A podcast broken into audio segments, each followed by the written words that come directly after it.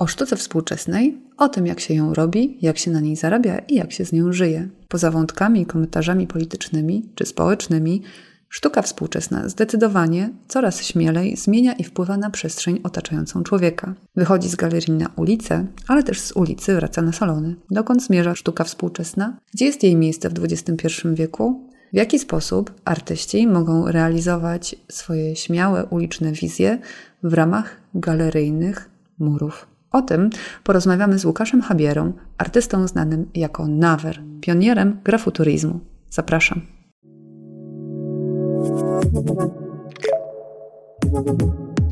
Słuchasz podcastu z cyklu Mistrzowie, realizowanego w ramach strefy designu Uniwersytetu SWPS. Więcej materiałów dotyczących projektowania znajdziesz na design.swps.pl oraz w kanałach multimedialnych naszego projektu na YouTube i Spotify. Zapraszamy! Cześć, dobry wieczór. Witam Was serdecznie e, w strefie designu Uniwersytetu SWPS. Dzisiaj z serii Mistrzowie będziemy rozmawiać o sztuce współczesnej. O tym porozmawiamy dzisiaj z Łukaszem Habierą, artystą znanym jako Nawer. Łukasz jest absolwentem Wydziału Architektury i Urbanistyki na Politechnice Krakowskiej. Ze sztuką street artu związany jest od połowy lat 90. E, w swojej twórczości. Przeszedł długą drogę od malowania klasycznych liter będących elementem kultury graffiti po formy geometryczne i przestrzenne, które wypełnia pozorny chaos, ścierają się kolory i kontrasty. W 2015 roku został zaproszony przez światowej sławy artystę Takashi Mukaramiego do zaprezentowania swoich prac na indywidualnej wystawie w Tokio. I prace Łukasza były prezentowane w galeriach na całym świecie, w Los Angeles, Paryżu, San Francisco, Marrakeszu, Londynie, Turynie czy Berlinie. Łukaszu, witam Cię serdecznie. Cieszę się, że możemy rozmawiać w tak miłych okolicznościach przyrody wakacyjnych. Chciałabym Cię zapytać, e, czy Ty określasz siebie jako hobbystę, czy jako artystę? E, absolutnie określam siebie jako artystę. Witam jeszcze raz serdecznie wszystkich. Dostałem kiedyś takie pytanie, a nawet to nie było pytanie, tylko sytuacja, w której szukałem pracowni w Krakowie jako absolwent Politechniki Krakowskiej Wydziału Architektury, a nie absolwent ASP. Okazało się, że ta pracownia troszeczkę mi się nie należy, dlatego że to, co robię, jest moim hobby, a nie moją pracą. Dlatego zostałem określony mianem hobbystę, a nie artysty i że ja mogę sobie tą pracownię zorganizować sam. Ale dzięki temu mam cudowne miejsce, które sam sobie zorganizowałem. Też wspominałeś, że e, ograniczenia są dla Ciebie takim elementem, które sprawiają, że można poszukać e, innych dróg, alternatyw i że są one motywujące, bo gdy, gdy spotykasz ograniczenia, musisz znaleźć alternatywy, musisz znaleźć nowe drogi. E, czy dalej ograniczenia są dla Ciebie napędzające? Mówię o tym trochę w kontekście tego, że już masz jakiś bagaż doświadczeń ze sobą, mhm. masz ogromny dorobek artystyczny. Ta ilość miejsc to nie jest przypadek, że jesteś tam wystawiany, że jesteś zapraszany na, mm, na takie wystawy. Zatem, czy dalej na tym etapie Twojego rozwoju mm, artystycznego ograniczenia są, dla, ograniczenia są dla Ciebie motywacją? Na pewno ograniczenia zawsze są motywacją, natomiast chyba na tym etapie, na którym jestem w tym momencie, bardziej e, istotny jest komfort pracy. Teraz szukam dla siebie takiej przestrzeni, w której będę się czuł jak najbardziej komfortowo i to się chyba dla mnie liczy w tym momencie najbardziej. Oczywiście ograniczenia zawsze będą czymś ciekawym, czymś, co e, wchodząc tak naprawdę już w tryb takiego pracowania codziennego, jeżeli staje się to naszą nie hobby, tylko pracą i e, jesteśmy sami ze sobą, bo tak naprawdę e, kiedyś rozmawiałem z, z moimi znajomymi artystami, że my tak naprawdę trochę jesteśmy sami ze sobą w życiu. Dużo czasu spędzamy sami ze sobą, więc jesteśmy takimi trochę jaskiniowcami, i ten, wracając wątkiem do komfortu i do ograniczeń, to zdecydowanie wybieram tym, na tym etapie, na którym jestem, komfort pracy. To bardziej mi służy niż ograniczenia. Chyba na tą chwilę. To jest e, też e, ciekawe, bo opowiadając e, w różnych materiałach o swojej drodze, mówiłeś o tym, że przeszedłeś drogę od niszczyciela do twórcy. I chciałabym zapytać, które elementy wpłynęły na to i czy był jakiś taki moment przełomowy, w którym ty jako, nie mogę powiedzieć początkujący artysta, bo chyba nim się nigdy nie jest początkującym ani, ani skończonym, jest to jakiś proces, ale czy gdy zaczynałeś utożsamiać się z artystą, Jaki to był ten punkt przełomowy? Czy to było jakieś wydarzenie, jakieś spotkanie, jakaś osoba? Co sprawiło, gdy, że nagle stwierdziłeś, dobra, już nie chcę niszczyć, chcę tworzyć? Myślę, że decyzja e, o tym, żeby poszukać dla siebie przestrzeni, e, zacząć, rozpocząć naukę na Politechnice i pójście na architekturę na pewno miało bardzo duży wpływ na to. Na pewno gdzieś propozycja podczas moich studiów e, na wystawienie prac, albo nawet nie na tyle wystawienie prac, bo ja wtedy jeszcze żadnych prac nie miałem E, malowałem jeszcze sobie wtedy trochę po ścianach e, studiując i dostałem wtedy taką propozycję, czy ja bym nie chciał tych prac, których nie mam, ale może bym stworzył jakieś, które można byłoby pokazać e, w przestrzeni już takiej bardziej galeryjnej. I to chyba był rok 2003, czyli ja byłem na trzecim albo na czwartym roku studiów, nie pamiętam już w tym momencie. I to była e, taka, e, taki trochę zapalnik do tego, bo ja zrobiłem tę pracę, oczywiście nie posiadałem studia, także one powstawały u mnie w piwnicy po godzinie 23 były tworzone jeszcze sprayami, czyli taką najbardziej jakby utożsamiającą się techniką z graffiti, e, więc nie mogłem sobie pozwolić na to, żeby je robić podczas dnia, bo przecież e, sąsiedzi by umarli i robiłem to tam, jak już wszyscy poszli spać, jak jest 23. Także niby robiłem prace, które by, będą do galerii, ale były takie owiane trochę e, nutką nielegalności. To był taki moment, e, ta wystawa i to, że e, miała super odbiór. Te prace wszystkie sprzedały się chyba bodajże w pierwszy albo w drugi dzień na tej wystawie. I ja tak stwierdziłem, kurczę, to w zasadzie to, to mi się podoba. Może ja spróbuję z tego żyć. Może nie, wtedy jeszcze tak nie myślałem zupełnie. E, byłem przekonany, że jednak będę żył z e, projektowania i z architektury. Ale kilka lat później już mi się zmieniło zupełnie. E, czy to taka, taka nutka nielegalności, to o czym mówiłeś w kontekście tworzenia, czy to, to towarzyszy Ci do dzisiaj? Czy lubisz to takie może określenie, że, że, że, że Twoje prace, czy Twoja twórczość to jest taki taki rebel, taki dysruptor, że kiedy patrzymy na dzieła sztuki współczesnej, to czasami są one grzeczne, ułożone, spokojne, bywają różne, ale twoje są no. bardzo jednoznaczne, bardzo określone. Niektórzy mówią, że są agresywne, niektórzy mówią, że są brutalne, inni widzą w nich bardzo dużo czułości i koloru.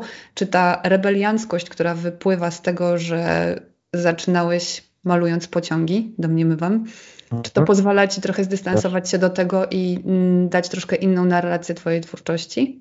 Myślę, że to już jest kwestia doświadczenia przez te lata. Ja już w tym nie myślę w ten sposób, ale prawdopodobnie e, gdzieś to we mnie tkwi jeszcze i niektóre e, takie zachowania, chociażby w studio, wracanie do tych technik, które, które są e, technikami stricte e, powiązanymi, tak jak mówiłem już, z graffiti, one dają tą taką, taki, są takim łącznikiem pomiędzy jakby tą sztuką uliczną, a, a taką stricte malarską pracą, która powstaje studyjnie w przestrzeni.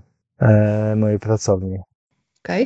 A jak ty się czujesz w galeriach, e, jako taki artysta, który e, wystawiany jest przez galerię sztuki, który zapraszany jest przez kuratorów na wystawy? Czy ten element, w którym sztuka, powiedzmy, nie ulicy, ale nie wiem jak to też zdefiniować, czym ty czujesz się dobrze, ta, która wyrosła może z inspiracji, dla której była ulica, nagle znajduje się w galeriach, czy dla Ciebie i według Ciebie to jest jakiś temat związany z egalitarnością sztuki i z tym, że sztuka jest wszędzie i tak naprawdę to my powinniśmy się uczyć jej doświadczać i uczyć um, oglądać i trochę nieważne i nieistotne jest miejsce, w którym ją odbieramy? Wydaje mi się, że to jest bardzo naturalne i to jest bardzo naturalne przejście tego pokolenia 80-90, że my e, jakby zaczynaliśmy tworzyć jako jedni z pierwszych tą e, sztukę ulicy, która gdzieś tam ma swoje początki w szablonach punkowych, prawda? I to, i to był początek. Naturalnie my teraz jesteśmy osobami, powiedzmy, w średnim wieku, które nadal tworzą, tylko już troszeczkę z innym podejściem, z innym bagażem doświadczeń. I dlatego wydaje mi się, że to jest totalnie naturalne, że to my teraz jesteśmy pokazywani w galeriach. Ja się bardzo dobrze czuję w galeriach. Może dlatego, że się trochę zestarzałem już. Ale lubię takie white cube, lubię czyste, przejrzyste przestrzenie typowo galeryjne. Chociaż lubię też rzeczy, które są bardziej konceptualne, brudne. Jakby to, to, to, to Y, chyba kwestia danego miejsca, danej chwili. Jasne. A powiedz, we współpracach komercyjnych, czy masz już taki komfort, że możesz wybierać te miejsca, y, te instytucje, y, te wydarzenia, z którymi chcesz współpracować i to ty już świadomie decydujesz o tym, które to jest miejsce? I już nie mówię o zasadach, ale na jak merytorycznie ty się tam pokażesz, jak artystycznie, że to ty jesteś już jakby mm, tą osobą, która nadaje flow całemu takiemu wydarzeniu. Wydaje mi się, że już od pewnego momentu tak. Powiedzmy, że od paru dobrych lat jestem w stanie sam wybierać te miejsca i troszeczkę sobie selekcjonować. No to, to też jest troszeczkę, w dzisiejszych czasach każdy jest takim swoim mini menadżerem.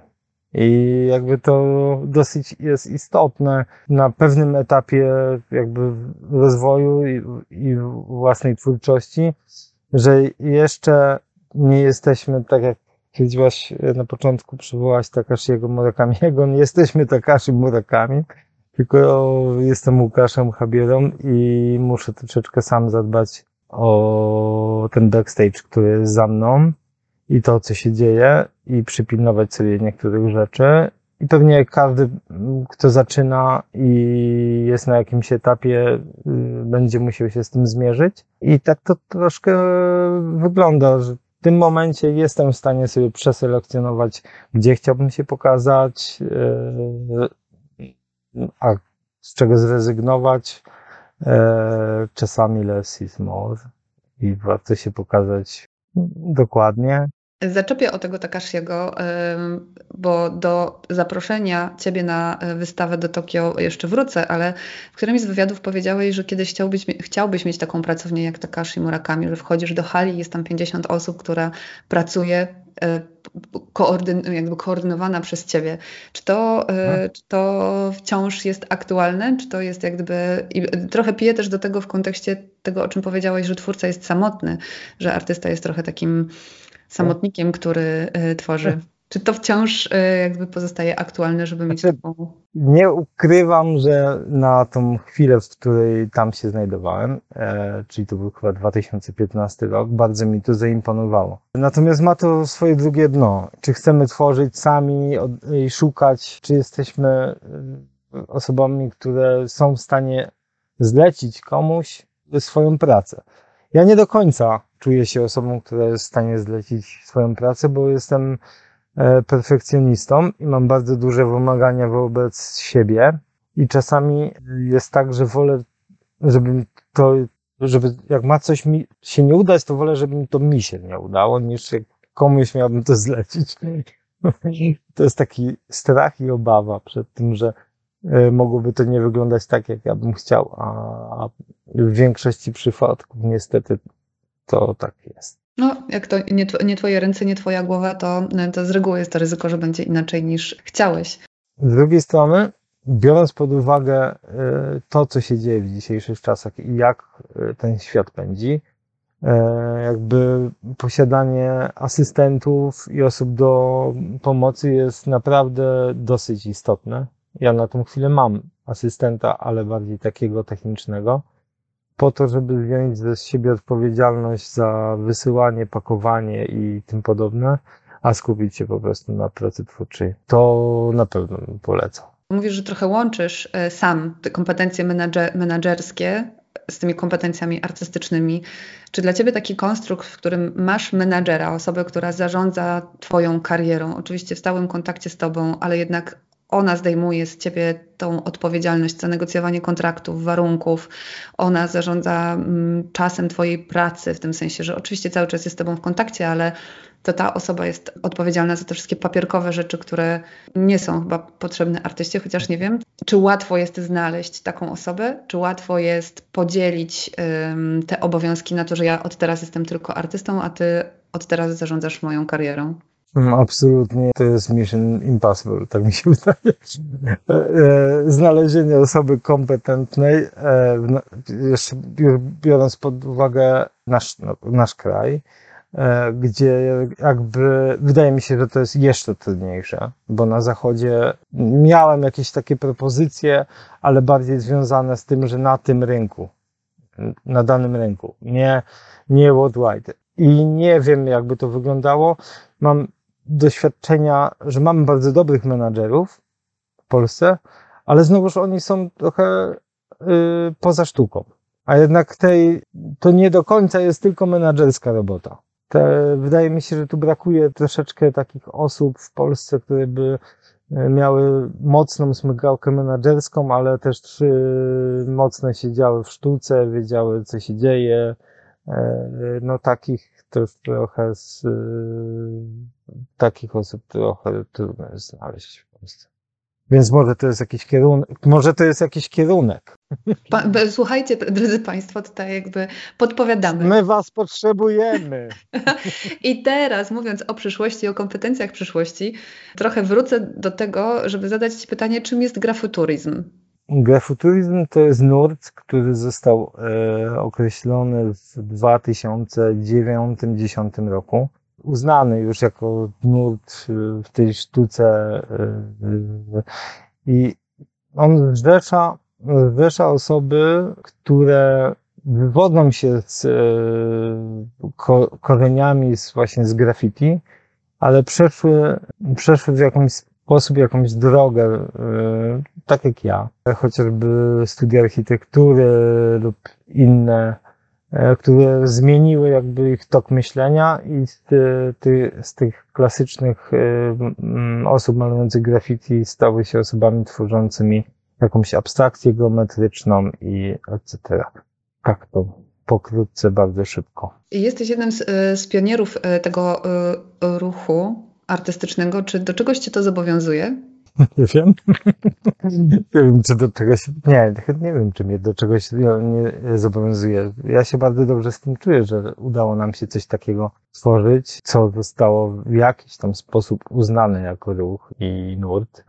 Ja zostałem zaproszony na kilka tych czasach 2009, 10, 11 do, jakby do tej grupy osób, które mm, tworzyły ten nurt. Robiliśmy wtedy pamiętam taką serię instalacji z e, Maćkiem Malinowym i z e, Marcinem Bangkokiem z Temporary Space Design i e, to było takie połączenie mojej pracy na ścianach z mappingiem 3D i chyba na, na tą chwilę, w której to się działo, to był 2010 rok, to było super innowacyjne. Nikt tego jeszcze wtedy nie robił e, w takiej formule, a ona była jakby jak najbardziej spójna z, jakby z tym spojrzeniem grafutyzmu i z tym jakby o co w, w tym nurcie chodzi. Jakby, że wychodzimy troszeczkę z ulicy, wchodzimy w, jakby w zupełnie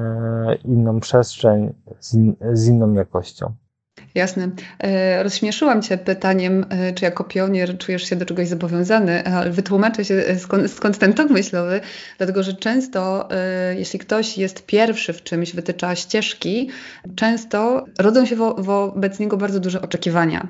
I czasem trudno jest, do, jakby wiesz, doskoczyć do swojej własnej poprzeczki. Stąd to pytanie, czy czujesz się w jakiś sposób zobowiązany, żeby rozwijać ten ruch, żeby na przykład, jeśli masz swojego asystenta, e, w jakiś sposób przekazywać wartości istotne dla tego e, ruchu innym artystom, czy to w ogóle w tym środowisku tak nie działa? Jeśli mówimy o sztuce współczesnej i jednostkach, to raczej jest to, to, co czujesz i to, co tworzysz indywidualnie, niż to, w jaki sposób oddziaływujesz na innych ludzi.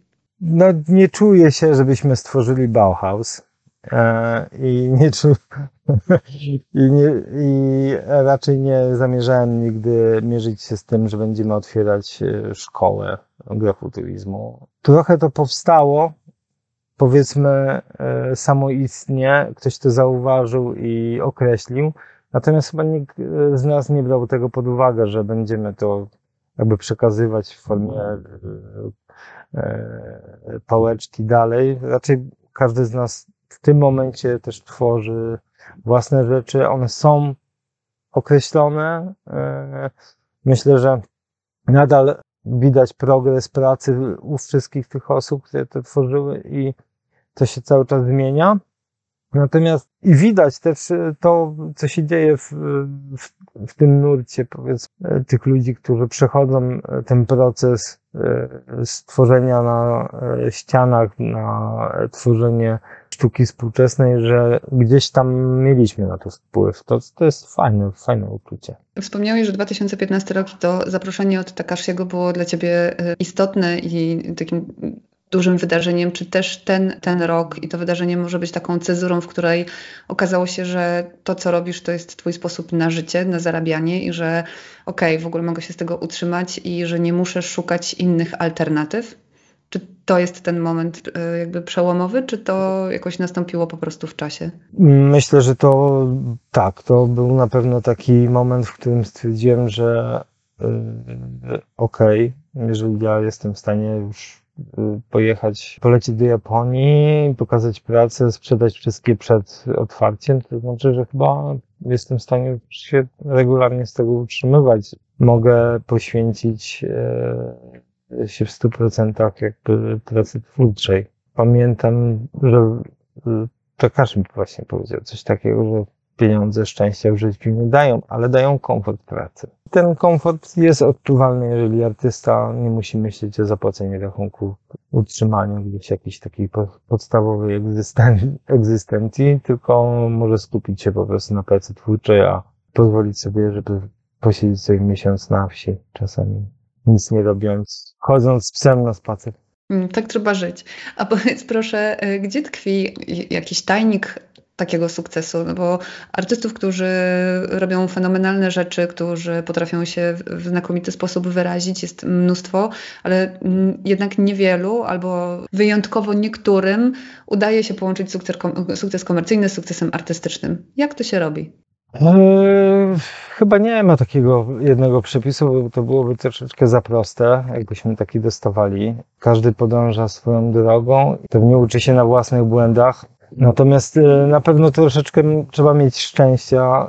Y, ja miałem trochę szczęścia na pewno, że spotkałem na y, swojej drodze tak ciekawych ludzi. Determinacji do pracy i chyba takiego starania się w tej pierwszej części, żeby zagryźć zęby i nie iść na kompromisy, tylko robić to, co się czuje przede wszystkim. To jest najważniejsze, żebyśmy byli tacy prawdziwi wobec samych siebie, czuli to, co robimy, a nie robili tego po to, że komuś się to ma podobać. Tylko ma się podobać nam. I my to mamy poczuć, że to jest coś, co my chcemy robić. Niekoniecznie dla pieniędzy. Myślę, że to wymaga bardzo dużej e, pewności siebie, żeby być przekonanym na 100%, że to co, e, to, to, co ja robię, to, co ja proponuję, to, co jest nowe, to jest coś, co, e, co jest warte tego, żeby w tym wytrwać. Nie? I to jest też ciekawe, że takie tak zwane umiejętności miękkie są bardzo potrzebne w różnych aspektach. Zapytam Cię teraz o, o inspirację, ale bardziej na to, czy patrzysz, na co patrzysz, gdy tworzysz. I tutaj mam na myśli mm, zarówno innych artystów, ale często jest tak, że inspiracje czy innowacje hmm. przychodzą kompletnie spoza branży, w której się jest. Więc tutaj pytanie do Ciebie, co jest dla Ciebie tym paliwem, które Ciebie napędza? Na co patrzę, chyba bardziej czego, co słyszę, bo dużą inspiracją dla mnie w życiu jest muzyka i uwielbiam pracować jakby do muzyki. Wszystkie projekty gdzieś połączone z na przykład z Danielem Dramsem, czy z, były dla mnie super doświadczeniami i bardzo dużo z nich wyciągnąłem. Miałem kiedyś też e, wspólnie pracownię za nimi się Waszem, który też jest super utalentowanym i nie tylko w jednym kierunku gościem. Także dużo inspiracji muzycznych, y, dużo pracy z muzyką i to chyba jest taką ciekawą formułą, bo muzyka, w muzyce można szukać bardzo wiele i jest, mamy w tym momencie dostęp w zasadzie do wszystkiego. E, bardzo łatwy, już nie musimy kolekcjonować muzyki na kasetach czy płytach. Możemy bardzo szybko dojść do czegoś ciekawego, posłuchać czegoś, co ktoś słucha. Na przykład ostatni, ostatnio po wystawie w Hangarze 102 Przemek mm, Sajner udostępnił e, cały plik z muzyką e, z Apple Music, do której tworzył całą wystawę. Także to jest też dosyć fajne. Naturalnie oczywiście architektura jest dużą inspiracją i nadal gdzieś we mnie tkwi, natomiast chyba y, ostatnimi czasy y, dużą inspiracją jest y, zmiana statusu na ojca. No tak, tutaj można, tutaj można czerpać garściami. To, to naprawdę jest zmiana perspektywy na tyle spora, że też można ją odczuć artystycznie. To ciekawe, co mówisz, ale to oznacza, że siebie inaczej postrzegasz jako artystę? Czy widzisz tę zmianę fizycznie w materiałach, które wykorzystujesz w swojej pracy, czy też w samych pracach, które tworzysz? Myślę, że najbardziej w sposobie myślenia, że jakby trochę inne czakry się otworzyły we mnie. Chyba tak jak stwierdziłeś, że moja sztuka y, dla niektórych może być agresywna, to wydaje mi się, że troszeczkę się zmiękczy. Mm, no to ciekawe. A powiedz, ile kolorów rozróżniasz? E, nigdy nie obliczałem tego, ale e, dużo więcej niż przeciętny mężczyzna. No jest to bardzo widoczne, bo jedno z moich pytań było, jaki odcień różowego jest Twoim ulubionym, bo e, ostatnio jest go tam, jest sporo w Twoich pracach, ale to było pytanie trochę zaczepne, dotyczące, dotyczące tego, jaką też trzeba mieć wrażliwość i i dużo emocji, żeby móc wyrażać się w kolorach, bo to też nie jest proste. Jak gdyby czerń i biel jest y, oczywista. Nie? Jesteś albo czarny, albo biały, koniec, kropka. Wszystko to, Ale co to jest. nie są kolory. No tak, no przepraszam. Ale żeby móc rozmawiać w kolorach, to trzeba gdzieś doświadczyć takiej synestezji, nie? czyli przeniesienia em, emocji i odczuwania z jednych zmysłów na drugie. To, co mówisz, jest bardzo ciekawe, że dla ciebie inspiracją jest muzyka, która sprawia, że przelewasz coś na, e, na, na płótno, czyli jakby ten, ta inspiracja, która idzie z dźwięku, przelewasz na, e, na coś, co odbieramy oczami. Czyli można powiedzieć, że dźwięki są kolorami, także to też jest. Dźwięki są liniami, dźwięki są krzywymi, dźwięki są kolejnymi warstwami. Także to, to dla mnie wydaje się oczywiste. Ciekawe, czy gdyby, teraz mi przyszło do głowy, czy gdyby zastosować taki algorytm, który uczyłby się tego, czego słuchasz i co tworzysz, czy stworzyłby jakiś taki pattern, który mówi, że w zależności od tego, jakiej muzyki tworzysz, jakie e, słuchasz, jakie tworzysz wtedy pracę. E, ale chciałabym e, zapytać Cię o emocje. Czy one są dla Ciebie ważne w procesie tworzenia, czy też odbioru Twojej twórczości? One są najważniejsze. Jakby dla mnie, y, ktoś mnie kiedyś zapytał, czy wolę tworzyć pracę na płótnie, czy pracę na ścianie, e, a nawet nie na ścianie, tylko czy wolę tworzyć pracę takie studyjne, czy murale. Natomiast y, stwierdziłem wtedy, że uwielbiam pracować na dużych przestrzeniach, ale one wymagają tworzenia sobie jakiejś koncepcji, jakiegoś planu, bo e, nie jesteśmy w stanie pracować na ścianie, która ma tam 12 czy 15 metrów wysokości bez jakiegoś planu, koncepcji na to. A ten plan i koncepcja niestety trochę hamują nam emocje, e, które e, towarzyszą pracy studyjnej, bo ja uwielbiam tworzyć bez planu. Czyli w zasadzie to mój plan polega na tym, że włączam muzykę, dobieram do niej kolory, i zaczynam tworzyć. A czy masz jakąś taką dyscyplinę pracy, że masz swoje 8 godzin pracy w ciągu dnia? Pomijam czas, kiedy jesteś miesiąc gdzieś na wakacjach albo właśnie robisz turny po galeriach na, na świecie. Od pewnego, od pewnego czasu tak. Y, staram się pracować tak dosyć regularnie codziennie i mieć jakąś taką powtarzalność. Każdy, kto posiedzi sobie trochę więcej w studiu, będzie wiedział o tym, że jakby regularność i praca codzienna y, jest najbardziej rozwijająca, jak dla mnie. Jakby dochodzimy wtedy do jakichś przy pracach y, nad wystawami dochodzimy zazwyczaj do najciekawszych rzeczy pod koniec tej, tego procesu kilkumiesięcznego, y, gdzie już brakuje nam czasu i nagle stwierdzimy, o kurczę, to zostawiam sobie na kolejną wystawę. Kiedyś e, rozmawiałam z jednym z moich rozmówców o intuicji i trochę doszliśmy do, e, do takiego wniosku, który pewnie nie jest odkrywczy, że intuicja to jest tak naprawdę suma doświadczeń i szybkość i umiejętność wyciągania wniosków na podstawie już przeżytych i zrealizowanych um, różnych rzeczy, więc zakładam, że być może w procesie twórczym właśnie ta powtarzalność, czy też ilość godzin, które, mm, które praktykuje się szukając jakichś artystycznych rozwiązań, może procentować. Jednocześnie ta, ta, ta systematyczność też coś nadbudowuje. Ale w kontekście takiej dyscypliny pracy bardzo uderzyła mnie jedna rzecz, że Twoje studio jest bardzo sterylne. I jak na prace, które są bardzo mocne kolorystycznie, bardzo mocno kontrastowe,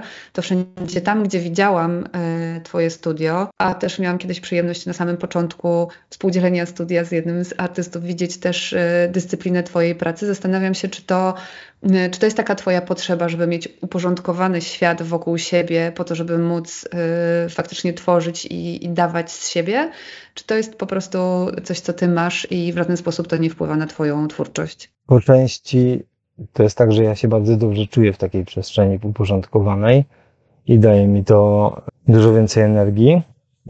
Po drugie, Wydaje mi się, że tak jak już kiedyś stwierdziłem, żeby tworzyć cudowny chaos, warto mieć koło siebie porządek, bo wtedy jest łatwiej. Jestem architektem, jestem designerem i to też ma na pewno wpływ na to, jak moja przestrzeń do pracy wygląda. Lubię się otaczać ładnymi rzeczami, bo mają po prostu na nas wpływ. Hmm, czyli sztuka cię szuka trochę też tak naprawdę, nie? Można by powiedzieć. E, zbliżając się pomału do końca naszej rozmowy, chciałabym cię zapytać, czego nie chciałbyś już robić jako artysta? Czego nie chciałbym robić już jako artysta? E, to trudne w sumie pytanie.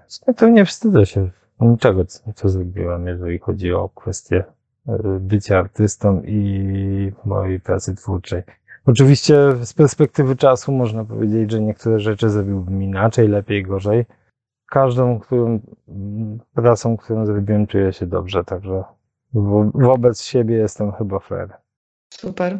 A co chciałbyś zrobić, czego jeszcze nie robiłeś? I tutaj mam na myśli nie tylko to pole artystyczne, ale też takie pole, które, mm, z którego ty czerpiesz, które ciebie ubogaca. Już nie jako artysta, chyba że że jesteś jednością, jakby ty jako człowiek i ty jako artysta? E, na pewno cały czas poszukuję jeszcze gdzieś pracy w, z innymi mediami. Teraz przygotowuję sobie e, na najbliższą wystawę do San Francisco jakąś e, kilka dywanów i mierzę się z tym procesem przetwarzania moich prac na ręcznie tkane dywany z wełny. I to też jest takie, e, i ten proces, który następuje, czyli e, zamiana e, pracy w pliki kadowskie i, i przeliczanie tego w ilości kolorów jest dosyć ciekawym procesem. I lubię takie zagadki i lubię takie doświadczenia, które, z których można dużo czerpać, chodząc w te jakby ten proces, nie mamy świadomości, co z niego wyniknie, bo zupełnie nie wiemy, e, jak działa ta forma i fajnie jest ją odkrywać. I chyba to, to najbardziej, to najbardziej cieszy. Mnie najbardziej cieszą w tym momencie rzeczy, e, w których jestem trochę zielony i jakby mierzenie się z czymś, co mnie może zaskoczyć. A wiadomo, że z wiekiem trochę trudniej o takie. Zaskoczenia. Zaskoczenia, no. Super, dziękuję Ci bardzo za Twój czas i za, za możliwość rozmowy. Życzę Ci jak najwięcej zaskoczeń w życiu i tego, żeby można było szukać nowych pól i nowych miejsc i nowych odkryć. Dziękuję Ci bardzo. Dzięki za rozmowę. Państwu dziękuję za, za czas i zapraszam na kolejne odcinki naszych spotkań i webinarów z serii Mistrzowie w strefie designu Uniwersytetu SWPS. Do zobaczenia.